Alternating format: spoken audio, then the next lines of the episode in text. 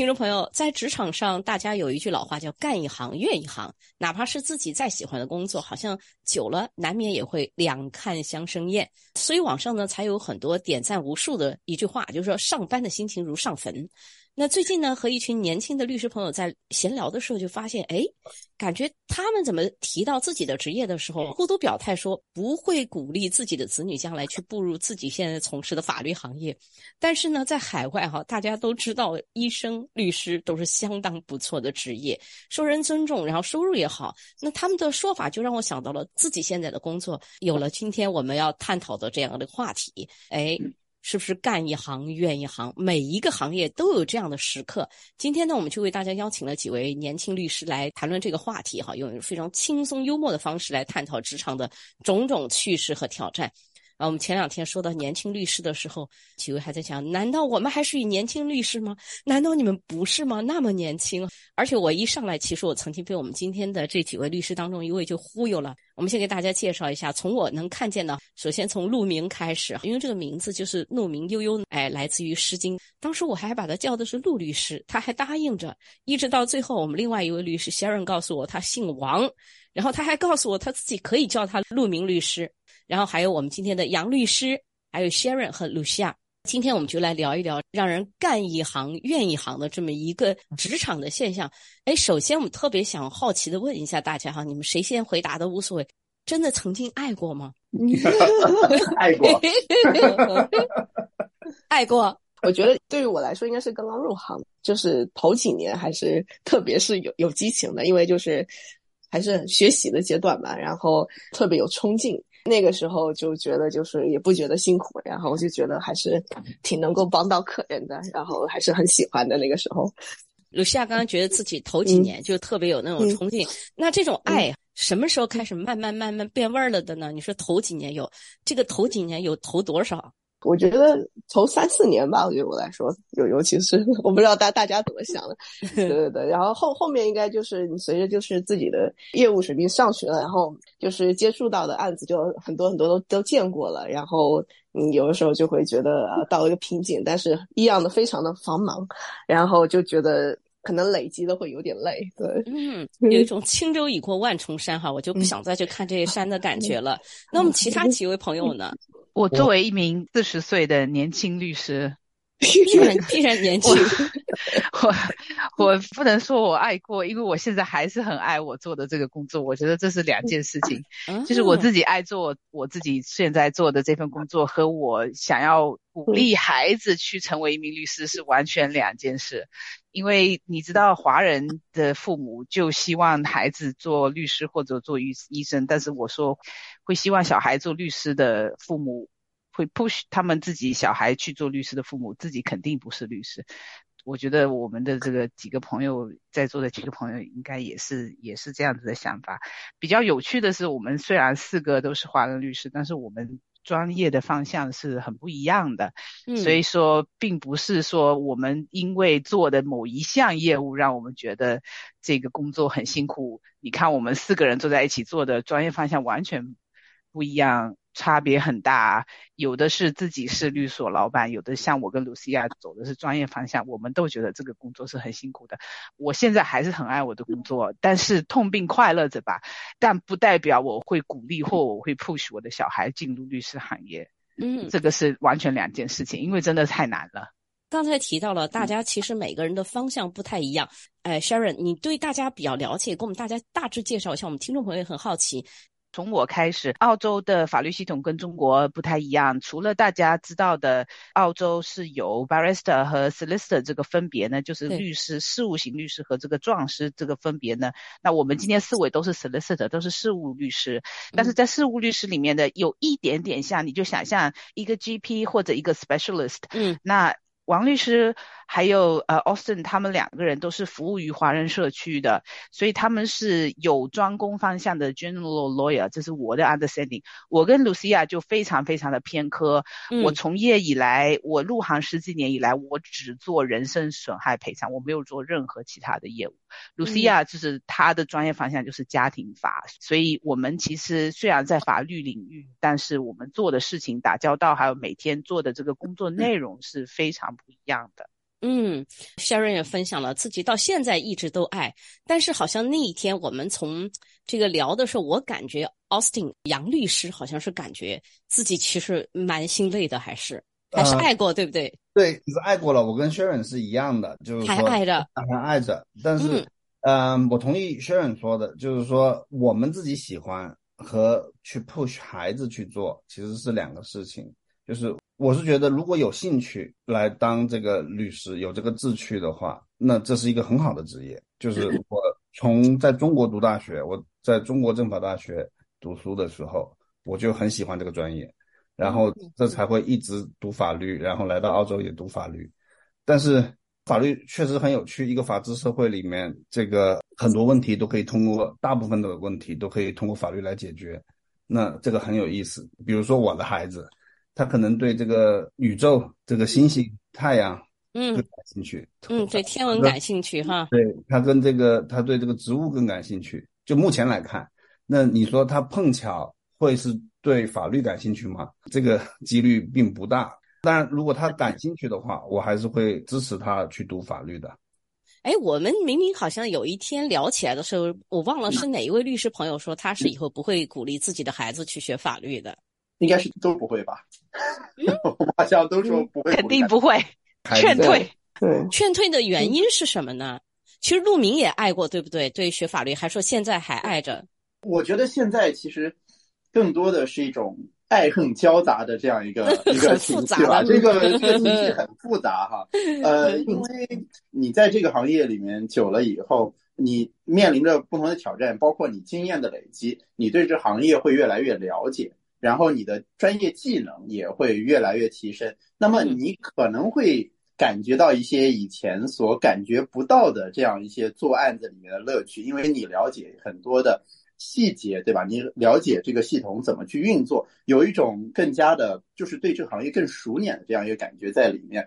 呃，但是同时呢，呃，你也会看到，就是这个行业，包括呃这个法律中可能存在的。种种的不足，以及这个法律系统里面有的时候产生的这样一些不公，对吧？所以对于这个行业，有的时候是存在一个爱恨交杂的感觉。其实，呃，刚才杨律师说法律系统可以解决这个我们社会中面临的大多数问题。其实我个人的感觉倒是觉得，有的问题其实有的时候很难通过完全是通过法律的这个。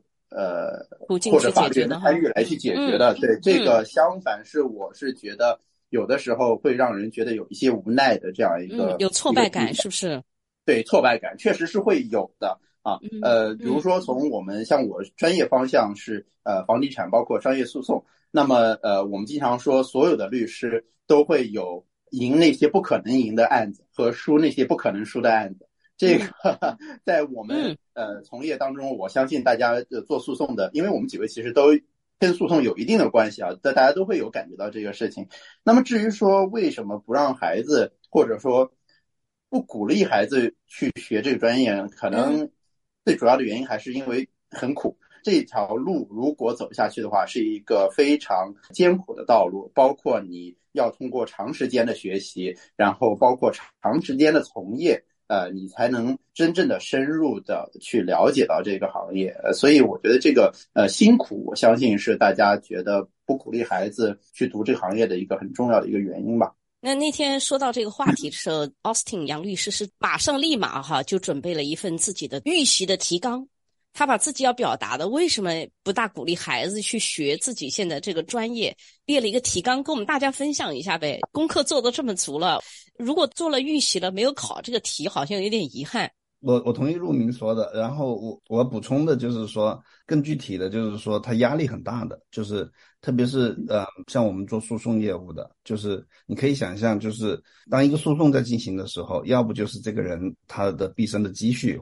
要不就涉及到他人生中很重要的一段关系，要不就是涉及到，如果是刑事案件的话，甚至涉及到他的人身自由。就是说，对客户来说都是很重大的事情，那可能才去打一个官司。我们要帮客户来做这样的工作，那承受的压力是很大的。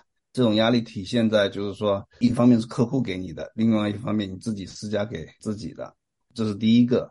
压力大。第二个就是说，我觉得是有一个误解的，就是这个误解不知道是从哪里来的，可能是从美国电影或者是电影里对。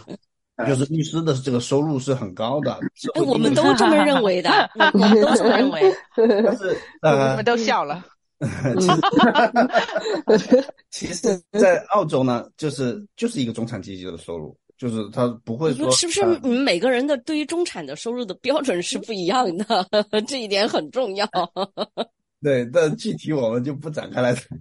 但这这么说吧，这么说吧，在澳洲这个社会呢，那个蓝领啊和专业白领之间的这个差距没有非常大。就这样子讲，不是说呃蓝领 TAFE 出来这个工资就很低，然后做了律师或者医生，你有了牌照，你的工资就是他们的好几倍，并不是这个样子的。所以那个差距线其实是很模糊的。你肯定在任何行业，在任何领域里面，你做得好，你的工资都会高。但是澳洲，我们不能说自己赚多少钱，但是澳洲律师的起薪就 是普普通通办公室的起薪而已。对，还有六万块钱、七八万块钱起薪吧。如果是 law clerk 的话，大学毕业第一年出来，是不是差不多这个价钱？那以后随着经验的增长，会不会就唰唰唰往上涨的会比较？这个随着经验的增长呢，很多人就不再做律师了，当老板了，然后 就成了一个，然后就成了王律师这样子的了，是吧？自己做老板了。哎，很早之前，因为我知道鲁西亚他的先生是一位医生嘛。然后鲁夏跟我聊到的时候，他提到一句啊，他说我好羡慕我我我们家先生，他可以准时下班，然后我都不能够准时下班。你看你们家其实职场两个非常让人羡慕的职业都被你们收入囊中了，而且在我们就是外面的人看来哈，就医生、律师，他是划在一个职业收入的这个范畴之内的。你怎么会去羡慕做医生呢？我觉得律师我觉得够高大上、收入又好的职业。我之前可能对于医生这个职业，就是认识我老公之前没有很深入的了解，但是就是现在相相比之下，连他自己都承认，非得选一个的话，应该是做医生好一些。那当然就是医生有有自己的专业，那他是全科医生，所以就是呃下下班的时间还是比较准点的。对于加班这个事情，我觉得就是律师的话，这个是逃不开的。这个也是我觉得我以后不会很想小孩去。读律师的一个很主要的原因，因为我自己的话，就是尤其是结婚以后吧，会一直会很纠结。比如说，嗯，我想把这工作干好，然后工作本身的工作量、工作压力都在那个地方，对吧？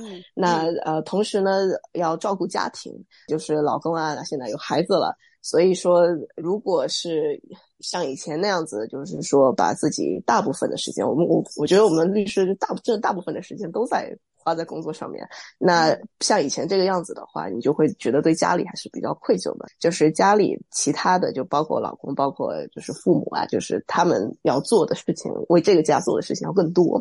所以是我自己是属于长期是有这种就是纠结以及就是这种愧疚感，就是一直都是有的。所以我就会很多时候想说啊，那以后孩子可以有个职业是稍微就是没有说绝对能顾到一点家，稍微。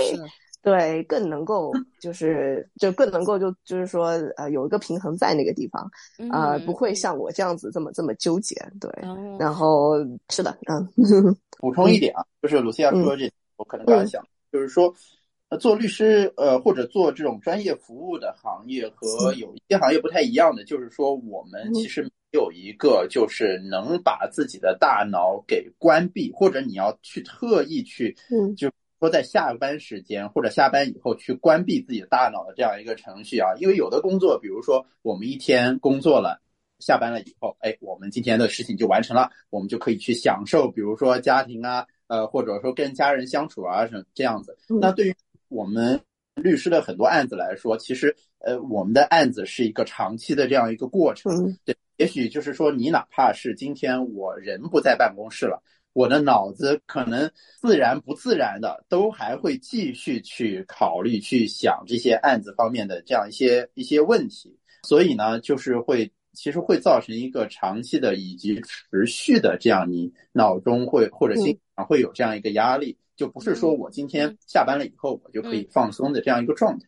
嗯。那跟陆明，你有没有可能你自己是律所老板，就是自自己当老板，你没有八小时之外时间都是属于，就是你都属于这个公司，都属于这个律所的，跟你自己当老板是不是有一定的关系？对我七天二十四小时都是基本上是上上班的状态，我觉得就就是你就没有一个去去下班的这样一个过程了，因为你比如说周六周日。如果有一个客户给你打电话，你是接还是不接，对吧？呃，一般来说就不太可能说有一个很清晰的这样一个没有个划分哈，就是休休闲呐，自己的工作时间。